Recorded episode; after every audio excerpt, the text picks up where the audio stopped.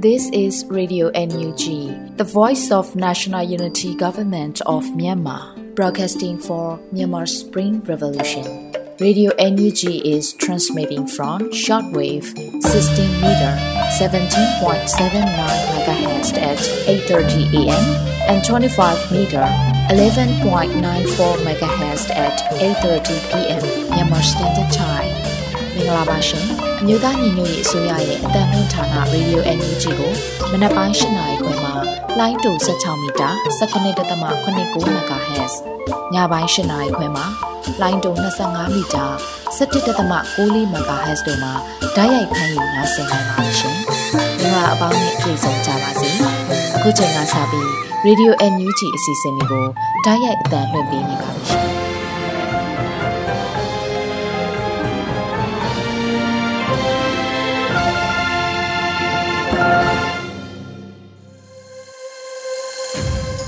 မြန်မာနိုင်ငံသူနိုင်ငံသားအပေါင်းတဘာဝပြီးစစ်အာဏာရှင်ပြည်တို့ကနေကင်းဝေးပြီးကိုစိတ်နှဖျားကျန်းမာချမ်းသာလို့ဘေးကင်းလုံခြုံကြပါစေလို့ Radio NUG အဖွဲ့သူအဖွဲ့သားတွေကဆုတောင်းမေတ္တာပို့သလိုက်ရပါတယ်ရှင်။အခုပထမဆုံးအနေနဲ့ပြည်တွင်းသတင်းတွေကိုရန်နိုင်ကဖတ်ကြားတင်ပြပေးမှာဖြစ်ပါတယ်ရှင်။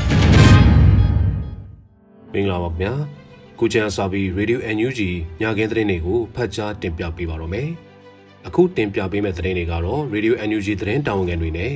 ခိုင်လုံးတဲ့မိဘသတင်းရင်းမြစ်တွေကအခြေခံထားတာပဲဖြစ်ပါတယ်ကျွန်တော်ကတော့ရန်နိုင်ပါ NUG နိုင်ငံခြားရေးဝန်ကြီးဒေါ်စင်မောင်အောင်ဝါရှင်တန် DC ကိုရောက်ရှိနေပြီး American ဆိုရစစ်မြစ်ကိုယ်စားလှယ်များနဲ့တွေ့ဆုံတဲ့သတင်းကိုတင်ဆက်ပေးပါမယ်။မေလ10ရက်နေ့မှာသတင်းထုတ်ပြန်ချက်တွေအရမြို့သားညီညွတ်ရေးအစိုးရနိုင်ငံခြားရေးဝန်ကြီးဒေါ်စင်မောင်အောင်ဟာအစိုးရကူစားပြုက American နိုင်ငံဝါရှင်တန် DC ကိုရောက်ရှိနေပြီး American အစိုးရစစ်မြစ်ကိုယ်စားလှယ်များနဲ့တွေ့ဆုံခဲ့တယ်လို့သတင်းရရှိပါတယ်။ ခီးစဉ်အတွင်းမှာ American ဆိုရခေါင်းဆောင်တွေနဲ့အာဆီယံနိုင်ငံခေါင်းဆောင်တွေပါတွေ့ဆုံမယ်လို့သိရပါတယ်။လက်ရှိမှာ American ASEAN ထိပ်သီးညီလာခံကိုမေလ12ရက်နဲ့13ရက်မှာကျင်းပမှာဖြစ်ပြီးတော့ American သမ္မတဂျိုးဘိုင်ဒန်ဦးဆောင်တက်ရောက်မှာဖြစ်ပါတယ်ခင်ဗျာ။ Federal Democracy ထူထောင်ရေးလုပ်ငန်းစဉ်တွေမှာ NUG ဆိုရအနေနဲ့သီးသန့် policy ချမှတ်ခြင်းမပြုဘူးလို့ပြည်တော်စုဝန်ကြီးဒေါက်တာလျံမုံစာကောင်ဆိုလိုက်တဲ့သတင်းကိုတင်ဆက်ပေးပါမယ်။ ဖက်ဒရယ်ပြည်တော်စုရေးရာဝန်ကြီးဌာနမှ2022ခုနှစ်မေလ10ရက်နေ့မှာထုတ်ဝေခဲ့တဲ့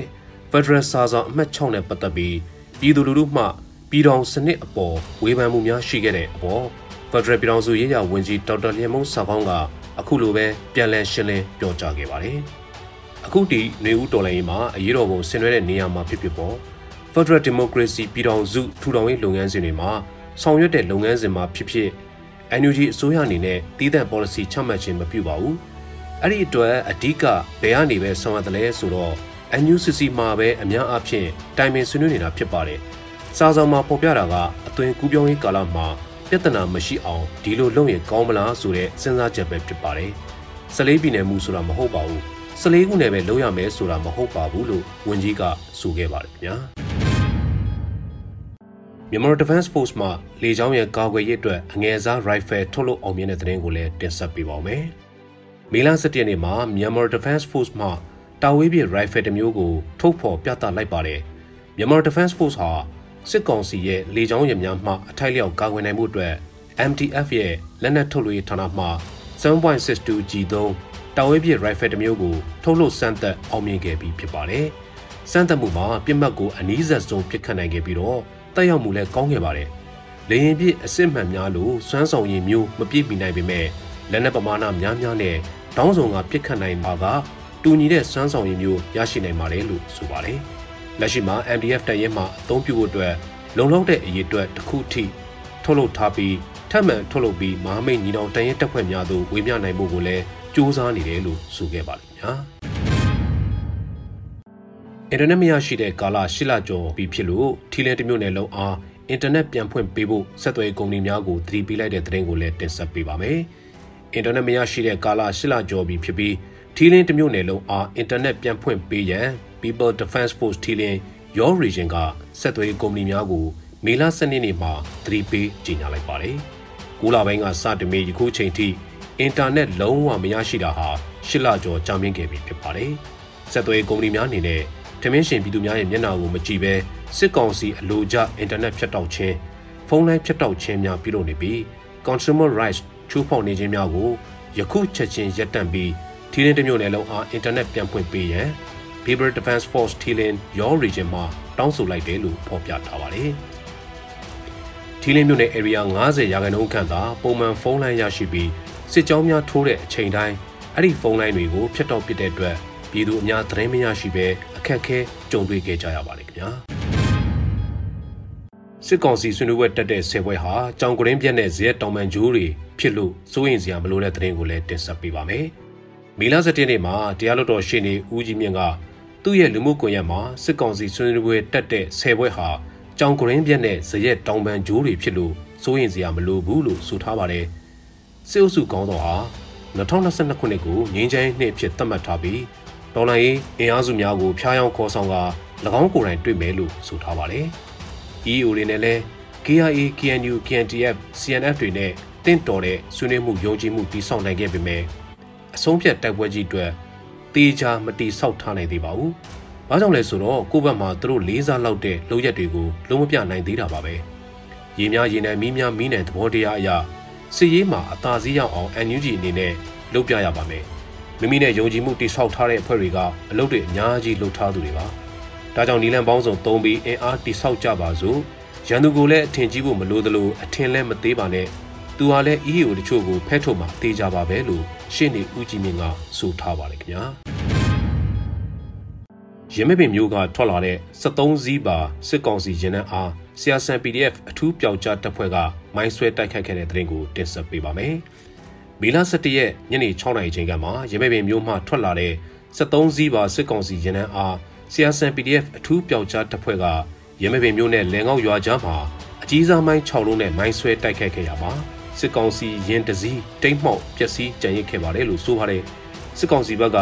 လက်နက်ကြီးလက်နက်ငယ်များနဲ့ပြန်လည်ပစ်ခတ်ခဲ့ပေမဲ့လည်းအထီးကိမရှိအောင်မြင်စွာပြန်လည်ဆုတ်ခွာနိုင်ခဲ့တယ်လို့သိရပါတယ်ခင်ဗျာ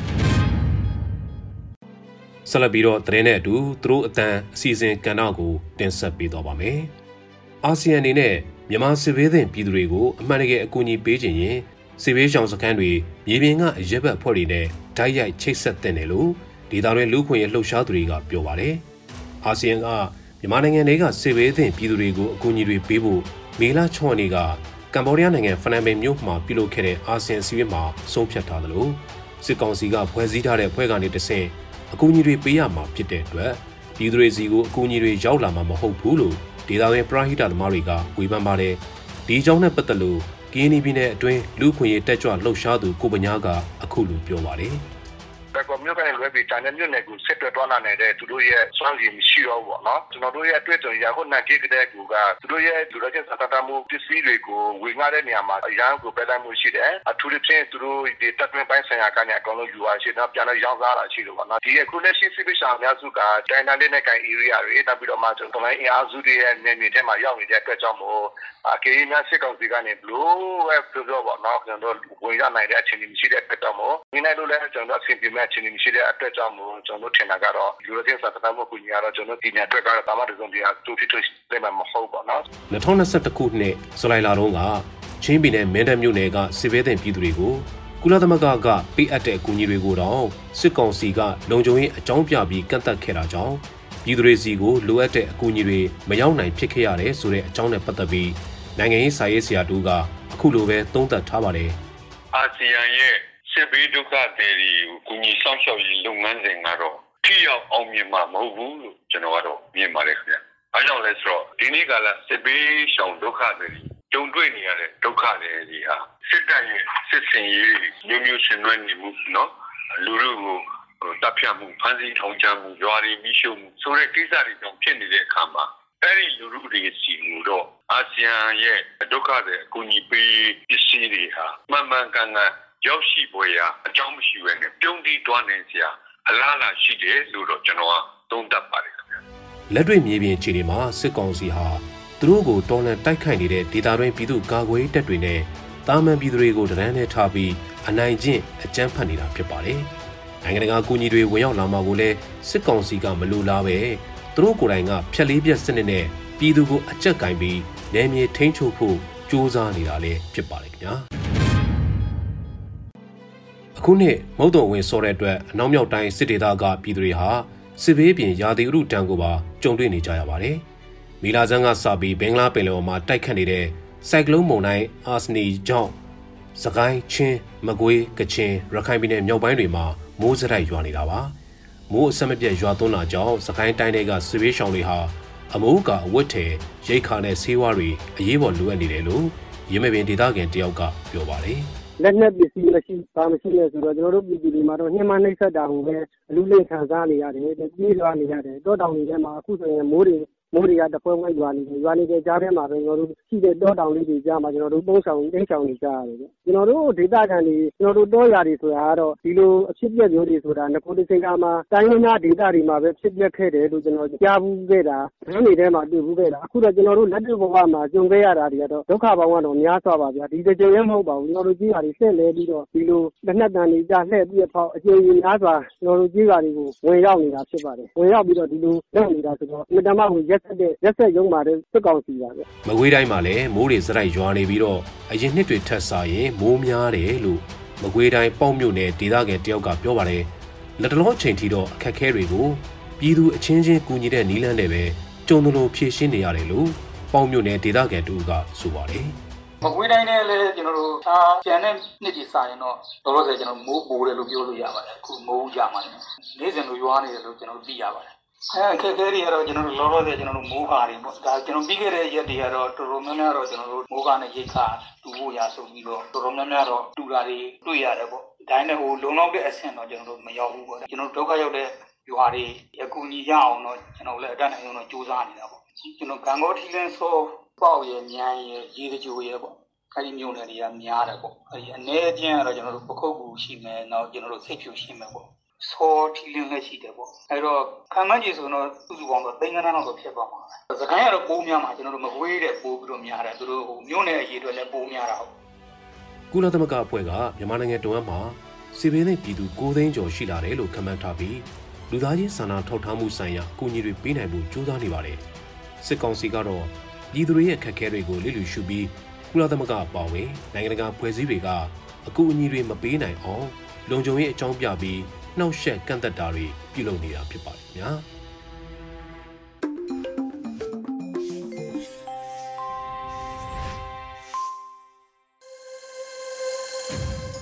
ရေဒီယိုအန်ယူဂျီမှာဆက်လက်အတန်လှည့်နေပါတယ်။တော်လှန်ရေးကြပြကဏ္ဍမှာနောက်ဆုံးတိုက်ပွဲလို့အမည်ရတဲ့တော်လှန်ရေးကြပြကိုလူခါခါရေးဖွဲ့ထားပြီးနှွေဦးမှုကဖတ်ကြားတင်ဆက်ထားပါတယ်ရှင်။နောက်ဆုံးတိုက်ပွဲ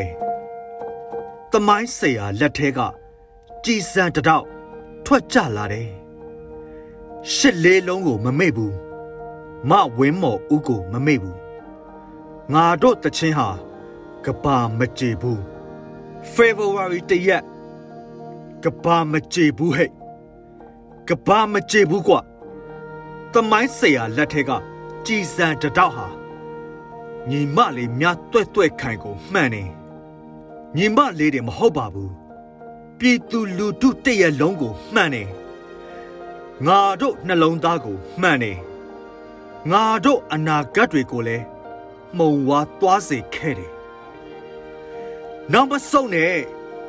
ဒါနောက်ဆုံးတိုက်ပွဲဖောင်ဖြတ်ထားကြသူတို့မှာလက်နက်ရှိတယ်ငါတို့မှာစိတ်တက်ရှိတယ်နေနေအောင်တွေးထားတဲ့စိတ်တက်နဲ့ဒီຫນွေဥကိုတိုက်မယ် ဒါနောက်ဆုံးတိုက်ပွဲနောက်မစုံနဲ့ဒါနောက်ဆုံးတိုက်ပွဲနောက်မစုံနဲ့နောက်မစုံနဲ့ဒါနောက်ဆုံးတိုက်ပွဲလူခါခါ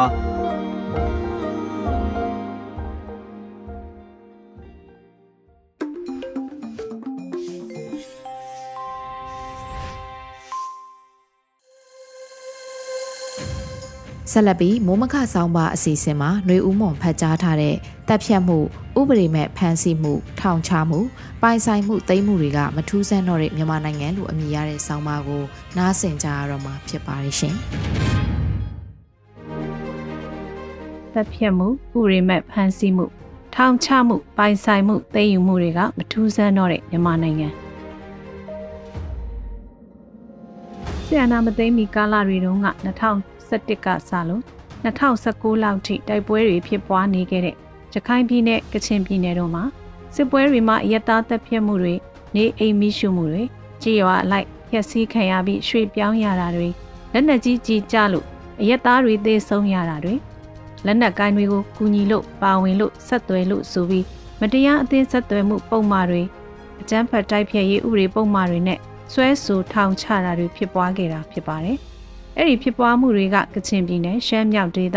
ရခိုင်ပြည်နယ်မြောက်ပိုင်းတို့မှာအများစုဖြစ်ပွားခဲ့တာဖြစ်ပြီးအဲ့လိုဖြစ်ပွားနေချိန်မှာကြံဒေသတွေမှာတိုက်ပွဲမရှိဘဲဒီမိုကရေစီအသွင်ကူးပြောင်းရေးဆိုတဲ့ကာလကိုဖျက်ဆီးခဲ့ကြတာဖြစ်ပါတယ်။ထိုစဉ်ကရခိုင်မြောက်ပိုင်းကရိုဟင်ဂျာမွတ်စလင်လက်နက်ကိုင်းတွေကိုအကြောင်းပြုပြီးနှိမ်နင်းတဲ့2016ခုနှစ်2019ခုနှစ်စစ်စင်ရေးတွေတိမ့်နဲ့ချီတဲ့ရက်သားထွက်ပြေးတိမ်းရှောင်မှုတွေထောင်တောင်းချီတဲ့ရက်သားတပ်ဖြတ်ခံရမှုတွေ လူမျိုးတုံးတပ်ဖြတ်မှုလို့ဆွဆွဲခံထားရတဲ့တပ်ဖြတ်မှုတွေဖြစ်ပွားခဲ့ပြီးခြားသောပြည်နယ်တွေတိုင်းတွေမှာတော့ဒီဖြစ်ပျက်တွေနဲ့ပတ်သက်လို့တိတိပပမသိရှိခဲ့ကြသလိုရက်တီချက်အားဖြင့်လဲစစ်တပ်ဘက်ကအများစုကရက်တီပေးခဲ့ကြတာဖြစ်ပါတယ်။အဲ့ဒီချိန်ကရတအစိုးရတာဝန်ယူထားတဲ့ NLD အစိုးရသည်ပင်လျက်အောက်ခြေကအဖြစ်အပျက်တွေကိုတည်တည်ချာချာမသိကြောင်းစစ်တပ်ကပြောတာတွေကိုအမှန်တကယ်လို့ယုံကြည်မိခဲ့တယ်လို့အဲ့ဒီချိန်ကလွတ်တော်ဥက္ကဋ္ဌတာဝန်ယူခဲ့သူနဲ့ အခုလက်ရှိ NUG ဝန်ကြီးချုပ်တာဝန်ယူထားသူမန်းဝင်းခိုင်တန်းကမီဒီယာအင်တာဗျူးတစ်ခုမှာပြောဆိုခဲ့ပါတယ်။ဆိုပါပြည်တွင်းစစ်ဖြစ်ပွားတဲ့ဒေသတွေအတွက်မတရားမှုတွေကိုစန့်ကျင်ဆန္ဒပြမှုတွေအတိုင်းအတာတစ်ခုထိရှိခဲ့ကြပေမဲ့လည်းလူအများစုကတော့ကိုချင်းမစားနိုင်ခဲ့ကြတာလည်းဖြစ်ပါတယ်။စစ်တပ်နဲ့မြို့သားရင်ကြားစီရင်လှုပ်ဆောင်တဲ့ NLD အစိုးရကိုယ်တိုင်ပဲလေ2018-19ခုနှစ်တွင်မှာအပြင်းထန်ဆုံးဖြစ်ပွားတဲ့ AA နဲ့စစ်တပ်အကြားတိုက်ပွဲတွေခြေရွာမီးရှို့မှုတွေရသားတွေကို AA တပ်ဖွဲ့ဝင်ဖြစ် ကူညီသူဖြစ်ဆွဆွဲတပ်ဖြတ်မှုတွေမှာစစ်တပ်ဘက်ကရပ်တည်ခဲ့တာဖြစ်ပါတယ်။အဲ့ဒီအချိန်ခါကအထက်ကဖော်ပြတဲ့ဒေသတွေကလွှဲရင်ကျန်တဲ့ဒေသတွေမှာတပ်ဖြတ်မှုဥရိမတ်ဖမ်းဆီးထောင်ချတာညင်မနေစရင်သေဆုံးတာပိုင်ဆိုင်မှုတွေသိမ်းယူတဲ့ကိစ္စတွေကဖြစ်ပွားတာနေပါတာကြောင့်ထူးခြားတဲ့သတင်းတွေဖြစ်ခဲ့ပေမဲ့ဆန္ဒသိမ်းပြီးနောက်မှာတော့ကရင်ပြည်နယ်၊ကယားပြည်နယ်၊ချင်းပြည်နယ်၊ကချင်ပြည်နယ်၊စကိုင်းတိုင်း၊မကွေးတိုင်း၊တနင်္သာရီတိုင်းတွေမှာတပ်ဖြတ်မှုလက်နက်ကိုင်းစစ်တပ်ကပစ္စည်းတွေလူယူတာနေအိမ်တွေမိရှို့တာ ဥပဒေစိုးမိုးရေးဆိုတဲ့အဖွဲ့အစည်းတွေဖမ်းဆီးခံရပြီးနိုင်ပိုင်းအတွင်းရပိုင်းအတွင်းအသက်ဆုံးရှုံးသွားကြရတာတွေဟာနေ့စဉ်လိုလိုသတင်းတွေထဲပါရှိနေပြီးကြားလာချိန်မှာဒါတွေဟာထူးခြားတဲ့သတင်းတွေမဟုတ်တော့တဲ့ရောက်များပြားလာရကနေ့စဉ်အဖြစ်အပျက်တွေကိုဖြစ်လာနေတာတွေ့ရပါတယ်။နိုင်ငံရေးနဲ့ဆက်နွယ်တဲ့လူသက်မှု၊လောက်ကျန်တပ်ဖြတ်မှုတွေနေ့စဉ်လိုလိုခြေရွာတွေနယ်မြို့တွေမှာဖြစ်ပျက်နေသလိုရန်ကုန်မန္တလေးလိုမြို့ပေါ်တွေမှာလည်းဖြစ်ပျက်နေတာဖြစ်ပါတယ်။သတင်းပေးဒလန်လို့တန်တရားဖြစ်ခံရသူ တိုင်ကြားခံရသူစစ်ကောင်စီတောက်တိုင်လို့သတ်မှတ်ခံရတဲ့အုပ်ချုပ်ရေးမှုရှားအိမ်မှုစတဲ့သူတွေနေ့စဉ်နဲ့အမျှလောက်ကျန်တက်ဖြတ်ခံရတဲ့အဖြစ်အပျက်တွေဖြစ်ပွားနေပြီးဒါတွေကထူးဆန်းတဲ့သတင်းတွေမဟုတ်တော့တယ်လို့ဖြစ်လာပါတယ်။ပုဂ္ဂလိကသတင်းစာတွေမှာအဲ့လိုသတင်းတွေဖော်ပြရမှတရတာအတွင်းအသက်ခံရတဲ့အဖြစ်အပျက်တွေစူးစီးပြီးမိနာမနေရအတိအကျဖြစ်ပျက်ပုံတို့ကိုတော့အသေးစိတ်ရေးသားဖော်ပြခြင်းမပြုနိုင်တော့ပဲဖြစ်ပျက်ရမြို့ရက်ကွက်နဲ့အသက်သေးဆုံးမှုရှိမရှိစသဖြင့် အချင်းချုပ်ဖော်ပြကြတော့တာတွေ့ရပါတယ်။စစ်ကောင်စီတပ်ကလည်းနေစဉ်နဲ့အမျှကျေးရွာတွေနေတွေမှာ PDF ရှိတယ်လို့တန်တရားရှိတဲ့ရွာတွေကိုမိရှို့တာဝင်းရောက်ဖမ်းဆီးစစ်ဆေးတာအသက်သေးဆုံးသည့်အထိရိုက်နှက်တာတပ်ဖြတ်တာလောင်းတွေကိုမိရှို့ပြီးဖျောက်ဖျက်တာတွေလုပ်တယ်လို့လူနေအိမ်တွေကအဖိုးတန်တဲ့ပစ္စည်းတွေယူဆောင်တာဆိုင်ကယ်ကားစားတဲ့ပစ္စည်းတွေကိုယူဆောင်သွားတာတွေလုပ်နေကြတာလည်းဖြစ်ပါတယ်ဒီလိုဖြစ်ပျက်တွေလည်းနေ့စဉ်ဖြစ်ပျက်နေကြဖြစ်ပျက်တွေလို့ဖြစ်လာပြီး လူစိမ်းရောက်တဲ့အထက်အသက်ဆုံးရှုံးကြရတဲ့ဖြစ်ပျက်မျိုးကလွှင့်ရင်ကျန်တဲ့ဖြစ်ပျက်တွေကသတင်းတူမဟုတ်တော့ပါဘူးဒီလိုလူတဦးတယောက်အသက်ဆုံးရှုံးရတာတက်ဖြတ်ခံရတာမြို့ပေါ်မှာတဲ့လူရက်မှုတပြားတိုက်မှုတက်ဖြတ်မှုစတဲ့ရာဇဝတ်မှုတွေမကြာခဏဖြစ်ပွားနေပြီးကျူလွန်သူတွေကိုဖမ်းဆီးရမိအောင်မလုပ်နိုင်တော့တာတွေကိုကြည့်ရင်တိုင်းပြည်ပြက်နေပြီဆိုတဲ့အခြေအနေမျိုးလို့နှိုင်းရှင်ပြောဆိုရမယ့်သဘောဖြစ်လာပါတယ်။လူတက်မှုတက်ဖြတ်မှု တပြားတက်မှုစတဲ့ရာဇဝတ်မှုတွေနိုင်ငံရေးအခြေအနေမတည်ငြိမ်မှုပြက်ပြားမှုနဲ့ရှင်တွဲပြီးဖြစ်ပွားလာတာ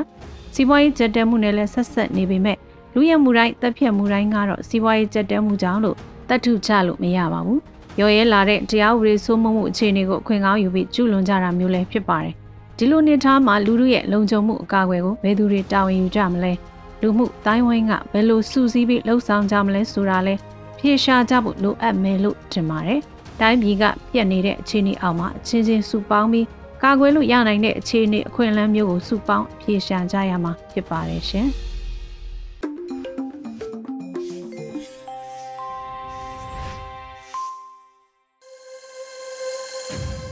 ဆက်လက်ပြီးတယောစာကဏ္ဍမှာအောင်နေမျိုးတင်ဆက်ထားတဲ့တက်ပြက်လူလူဖိုးတက်ဖို့အပိုင်း45ကိုနားဆင်ကြရပါမယ်ရှင်။ သောစေအကြောင်းတွေတက်ပြက်လူလူမထူးစားခင်းနေပါဖိုးတက်ဘူးတက်ပြက်လူလူဖိုးတက်ဘူးတက်ပြက်လူလူဖိုးတက်ဘူး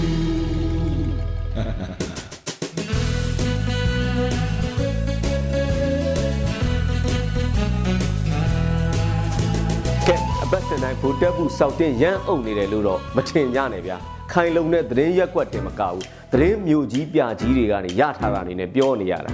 အခုဘက်လဲရထားတဲ့ဗိုလ်တက်မှုကျင်ဆိုးတတိုက်ရဲ့အတင်းလေးအဲမဟုတ်ပါဘူးသတင်းလေးတွေပြောရရင်ဖြင့်ဂရီထွန်းကအန်တီတက်ချိန်ပဲဆိုပြီးဟန်ရေးပြပြီးတော့လုံနေတော့ တိုင်းမှုတွေကိုတက်ချင်းလေရဲ့အခုဖင်တုံးကုန်ကြပြီလေမေလာကိုရအမိကျင်းဆိုးလင်ထောင်းနေချိန်ဖြစ်တော့စစ်ကောင်စီအတွက်တော့မကောင်းဘူးပေါ့ဗျာစစ်ကောင်စီကလည်းအရင်ရင်ခစ်တွေတုန်းကလို့ရန်သူတွေဝိုင်းလာပြီဆိုရင် EAO တွေကိုမေးအောင်ပုတ်လိုက်ဂျိုင်းလေးနှိုက်လိုက်ဘိုက်ကလေးဆွဲလိုက်နဲ့ကြက်ချော့တယ်လို့ချော့နေလေရဲ့အခုတော့အရင်လိုမဟုတ်တော့ဘူးအသေးခုတ်မဲ့လူလေးကြီးပဲ ပွဲကျွတ်အောင်နိုင်ဖို့ကလည်းတေချာနေပြီလေခါတော်မီပါပဲဗျဖိုလာဘေးကစင်ကူမှာ shopping ထွက်နေတဲ့ဗီဒီယိုဖိုင်တွေထွက်လာတယ်လေမူဆာဖာမှာဆိုတော့ငတီလေးရောက်နေတာအတော်ကြားနေပုံရတယ်ဘဲလေးကတာတာယာယာပဲပြည်လဲပြန်မလာရဲ့ပတ်စံလဲပေါ်နေတော့ကြောင်းတွေပတ်တက်နေတယ်ထင်ပါရဲ့ကျန်ဖို့ရဲ့အိဇဲတွေတာမီးတွေကတော့ပြေးကြပြီဆိုတာတေချာနေပြီငုတ်ရိုက်နေတာကတော့ကျင်ဆိုးလိုအုပ်စုပဲ မြောင်လောင်းလေးကစင်ကူမှာရောက်နေချိန်စိုးဝင်းရဲ့မရပါသားကို USA ကနေပြန်ခေါ်ထားခံရတယ်လေနေပြည်တော်ကနေတော့ခွာဝဲမရဘူးဇက်နာချက်ကတော့ခေါင်းအုပ်နေထုတ်လှမ်းတာတော့မှမပြောက်နိုင်ဘူးဗျာ KNI ဘော်ခဲရကိုလည်း KA KNDF ကဝိုင်းထားတဲ့စစ်တပ်ကကောက်တွေကစခန်းတွေကကိုမထွက်ရဲကြဘူးဗျာ KNDF ကလည်းပျော်တိုင်းမြို့ထဲကိုဝင်ပြီးတော့တိုက်ကြတယ်တက်ကိုလာလာပြီးတော့ပြစ်ကြတဲ့တက်ကကာဆာတာမူကြီးကလည်း တင်တန်းတက်မယ်ဆိုပြီးတော့နေပြည်တော်ကိုလစ်သွားတယ်ဗျာ high ski နဲ့ကိုလစ်သွားတယ်တက်ထဲကငတိတွေပေါက်ကွဲပြီးကြံနေခဲ့ပြီရဲ့ကဲစင်ရချုပ်လိုက်တော့အာနာသိမ့်မှုမြောက်ပြီးတဲ့သူတွေကတော့ငွေတို့ပိုက်ပြီးတော့ကဘာပတ်နေပြီယူကြောင်မူးကြောင်နဲ့ထသိမ့်တဲ့ကောင်တွေကတော့ဖင်ဆုပ်ကုန်ပြီလေဆွေစဉ်မျိုးဆက်ကိုပဲဘောင်းချဆုပ်ခံနေရအောင်ပါလူနဲ့ချမ်းသာဆိုတဲ့စကပုံကရှေးလူကြီးတွေကအလကားထားခဲ့တာမဟုတ်ဘူးကဲအဲ့ငတိလေးတွေအတွက်တော့မျော်လင့်စရာဆိုလို့အော်စီတပေါက်ပဲကြံတော့တယ် အချိန်မီပြည်သူစီကိုအလင်းမဲ့ဝင်ဝင်မလင်းတလင်းမှာပဲဝင်ဝင်ဝင်ညပြီတော့ဗျာပြောလက်စနဲ့ဗိုလ်တပ်ဘူးကျင်ဆိုးတယောက်နူရွာဝဲဆွဲမြေနှိပ်ရလှန်ဆိုင်ခံနေရတဲ့အဖြစ်ကိုဆက်ပြောရရင်ဖြင့် MNDB application တင်နာမှာနှစ်ရက်ပဲရှိသေးတယ်ဖြုတ်ချခံလိုက်ရတဲ့မင်းအွန်လိုင်းကိုတိုင်းကဘောပူပြီးအခမ်းအနားနဲ့ဖွင့်ထားတဲ့ application လေးအခမ်းအနားဘူးစုံရောပဲ worldwide mobile satellite data application နဲ့ စောက်ချမ်းကြီးပဲနာမည်ပေးချက်ကတော့ Elon Musk တောင်တည်သွားခြင်းဇလန်အစကဇော်မဲလုံးပဲသူက CNN ဖန်လေကဘာတိဝါရဖြန့်မယ်ပေါ့အဲ့မှာဒိုင်မင်ထိုးပြီးဝင်လာတာကဒိုင်မင်ဘူးလက်သူလုံနေတာက၈လတောင်ရှိနေပြီ discount ပေးမယ်ပေါ့တကယ်ပဲမဲလုံးကိုပြောပြီးတော့အပြာနန်းတော်မှာညစာ application share လို့ရေးခိုင်းတဲ့သူနဲ့ဒိုင်ရှိုခိုင်းတော့တာပဲဒါတော့မှဟိုကအင်းနေလို့မို့ငါးစာပေးလိုက်ရတယ်တဲ့ပြီးတာနဲ့သူ့ကောင်ငပြူးတွေကိုထိုင်တောင်းဖြတ်တောင်းအ ကုန်ဒေါင်းခိုင်းလိုက်တော့ဒေါင်းလောင်ကောင်းလာ 1K ပလက်တောင်ဖြစ်ရောတဲ့မဲအွန်လိုင်းကိုဂျင်းမိပြီလေသူ့ application ကတကဘာလုံးသုံးနေပြီဆိုပြီးတော့ဗော rubber ဂျင်းမိရဲ့တချင်းစာသားနဲ့ပြောရရင်တော့အင်္ဂလန်ကဘီယမာကြီးတော်ကျွေသွားပြီးပေါ့ဆိုလိုမျိုးမဲအွန်လိုင်းရှိစုမဲစုဒေါ်လာ3သိန်းတော့ပြုတ်ရောပဲဗုဒ္ဓဘူးကျင်ဆိုပါတယ်ဆိုတာဘူးလက်တယောက်ကတော့လဲသားချခွင့်ဝတ်ထားတဲ့လောက်ပဲရှိတယ်ဘူးလက်ကအစိုးရ3-4ဆက်လောက်ကိုပတီးရိုက်ပြီးတော့စားလာတဲ့ကောင်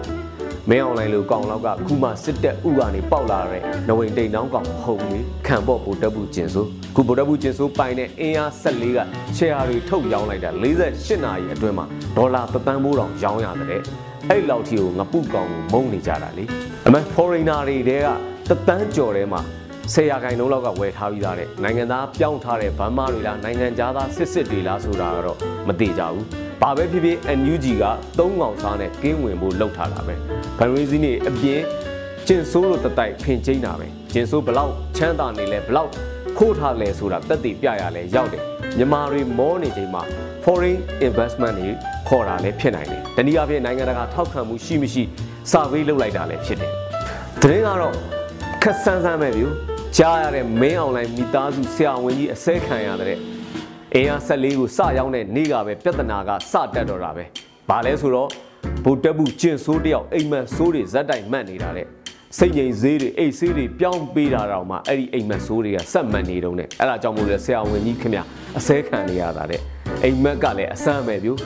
ဗိုလ်တပ်မှုကျင်ဆိုးသူ့မြေးလေးတွေမြေနီကုန်းလမ်းစုံမှာဝါလက်ခုံလေးတီးပြီးတော့တော င်းစားနေရတယ်ဆိုးလိုက်တဲ့အိမ်မက်ပဲအဲ့ဒါတွေကြီးပဲထက်တလဲလဲမတ်နေတာဘယ်တော့မှမြန်ရနေတဲ့ trauma လဲတော့မသိဘူးဗျကိုတွေကအဲ့ဒီတရောင်းသားဂိုင်းကျုပ်ဗိုလ်တပ်မှုမင်းအောင်လိုင်အာနာသိမ့်လိုက်လို့ပုံကြောင်ပြီးအိမ်မပြောရတာကြာပြီသူကတော့ကိုယ့်ထက်ပိုဆိုးတာပေါ့ပုံကြောင်ယုံနေမကဘူးပုံကွယ်ပုံပြောက်တောင်ဖြစ်နေပြီကိုတွေကငန့်ရင်တောင်မှတောင်းဆိုင်ရသေးတယ်သူ့ကိုတော့ဘယ်သူမှတရားမှမဟုတ်သေးဘူးတောင်းစားခြင်းပြိုင်တော့မှဘယ်သူကအရင်ဈေးဥပေါက်မလဲဆိုပြီးတော့မှစိန်ခေါ်လိုက်ခြင်းသေးရဲ့ ခွက်ဆွဲပြီးတော့တော်လန်ရေးအောင်ပွဲရအောင်ဒီကိုဆက်ဆင်လွဲနေမှကိုတွေကိုလမ်းတွေ့ရင်တော့မှထမင်းခေါ်ကျွေးမဲ့သူတွေကတော့ဒီချက်ကြောင့်တော်လန်ရေးကအောင်လို့အောင်နေပြီဆက်လက်ပြီး Radio NUG တေဂီတာအစီအစဉ်မှာယူနီဖောင်းလေးတို့ဂရီလို့အမည်ရတဲ့တော်လန်ရေးဒေသချင်းကိုဆရာတန့်ကဖန်တီးပုံဖော်ထားပါတယ်ရှင်။ဒီလိုတော့ဝလာပါဖို့မင်းဆုံးငယ်တဲ့လက်တံတွေ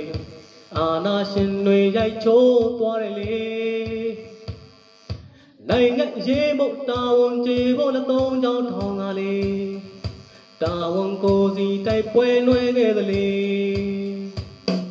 အမိုင်းကြောင့်ကောင်းမတော်ရဲ့ဘဝတွေသတိထားပေးခဲ့သလေ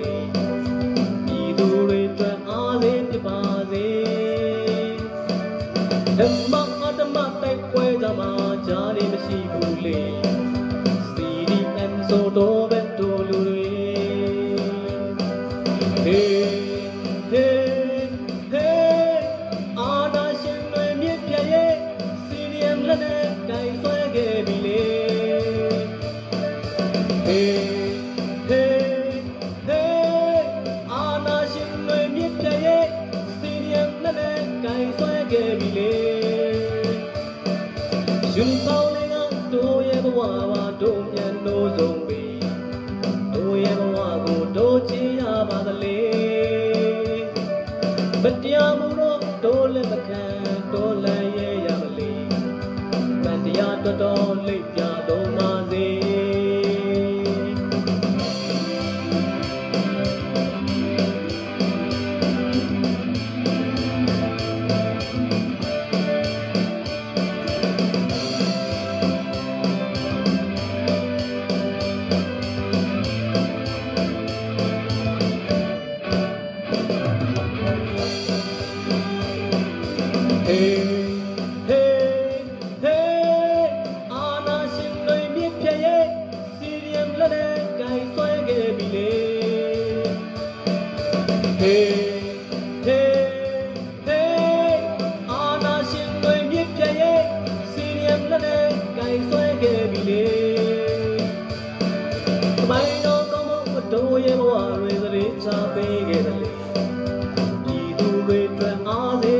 စ်ပါစေ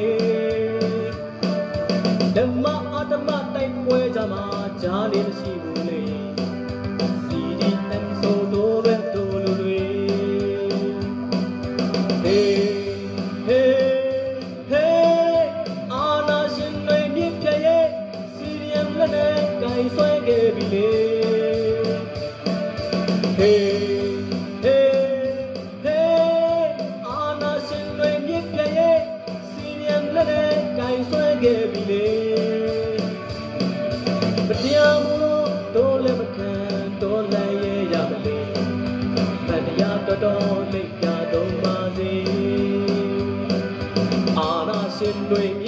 သွားမှတို့ပြတ်ဝဲပဲယူနီဖောင်းလေးရေဒီကနေ့ကတော့ဒီညနဲ့ပဲ Radio NUG ရဲ့အစီအစဉ်လေးကိုခਿੱတရနာလိုက်ပါမယ်ရှင်။မြမစံတော်ချိန်မနက်၈နာရီခွဲနဲ့ည၈နာရီခွဲအချိန်တွေမှာပြန်လည်ဆုံတွေ့ကြပါစို့။ Radio NUG ကိုမနက်ပိုင်း၈နာရီခွဲမှာလိုင်းတူ16မီတာ19.8 MHz ညပိုင်း၈နာရီခွဲမှာ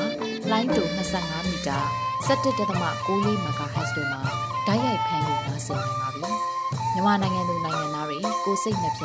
ကျန်းမာချမ်းသာလို့ဘေးကင်းလုံခြုံကြပါစေလို့ Radio NUG အဖွဲ့သူဖေသားတွေကဆုတောင်းမြတ်တာပို့တာလိုက်ပါတယ်ရှင်။မြေသားညီမတွေအစိုးရရဲ့စက်တော်ရင်သတင်းအချက်အလက်တွေလုပ်ပညာဝန်ကြီးဌာနကထုတ်လွှင့်နေတဲ့ Radio NUG ဖြစ်ပါတယ်။ San Francisco Bay Area အခြေစိုက်မြန်မာမိသားစုတွေနဲ့နိုင်ငံတကာကစေတနာရှင်တို့အားပေးနေတဲ့ Radio NUG ဖြစ်ပါတယ်။ အရေးတော်ပုံအောင်ရမည်